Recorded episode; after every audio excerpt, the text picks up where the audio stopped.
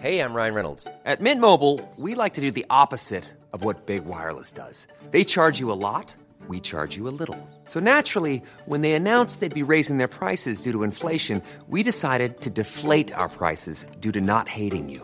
That's right. We're cutting the price of Mint Unlimited from $30 a month to just $15 a month. Give it a try at mintmobile.com slash switch. $45 upfront for three months plus taxes and fees. Promo rate for new customers for limited time. Unlimited more than 40 gigabytes per month. Slows. Full terms at mintmobile.com.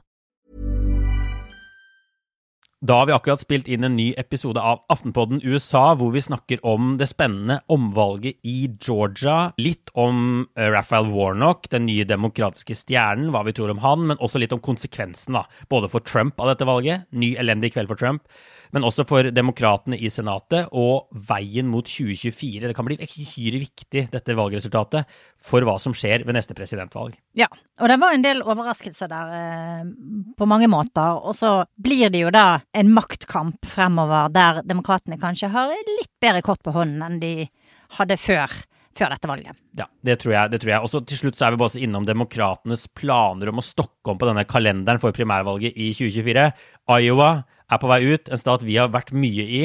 Eh, og så kommer Bidens yndlingsstat inn fra siden på litt merkelig vis.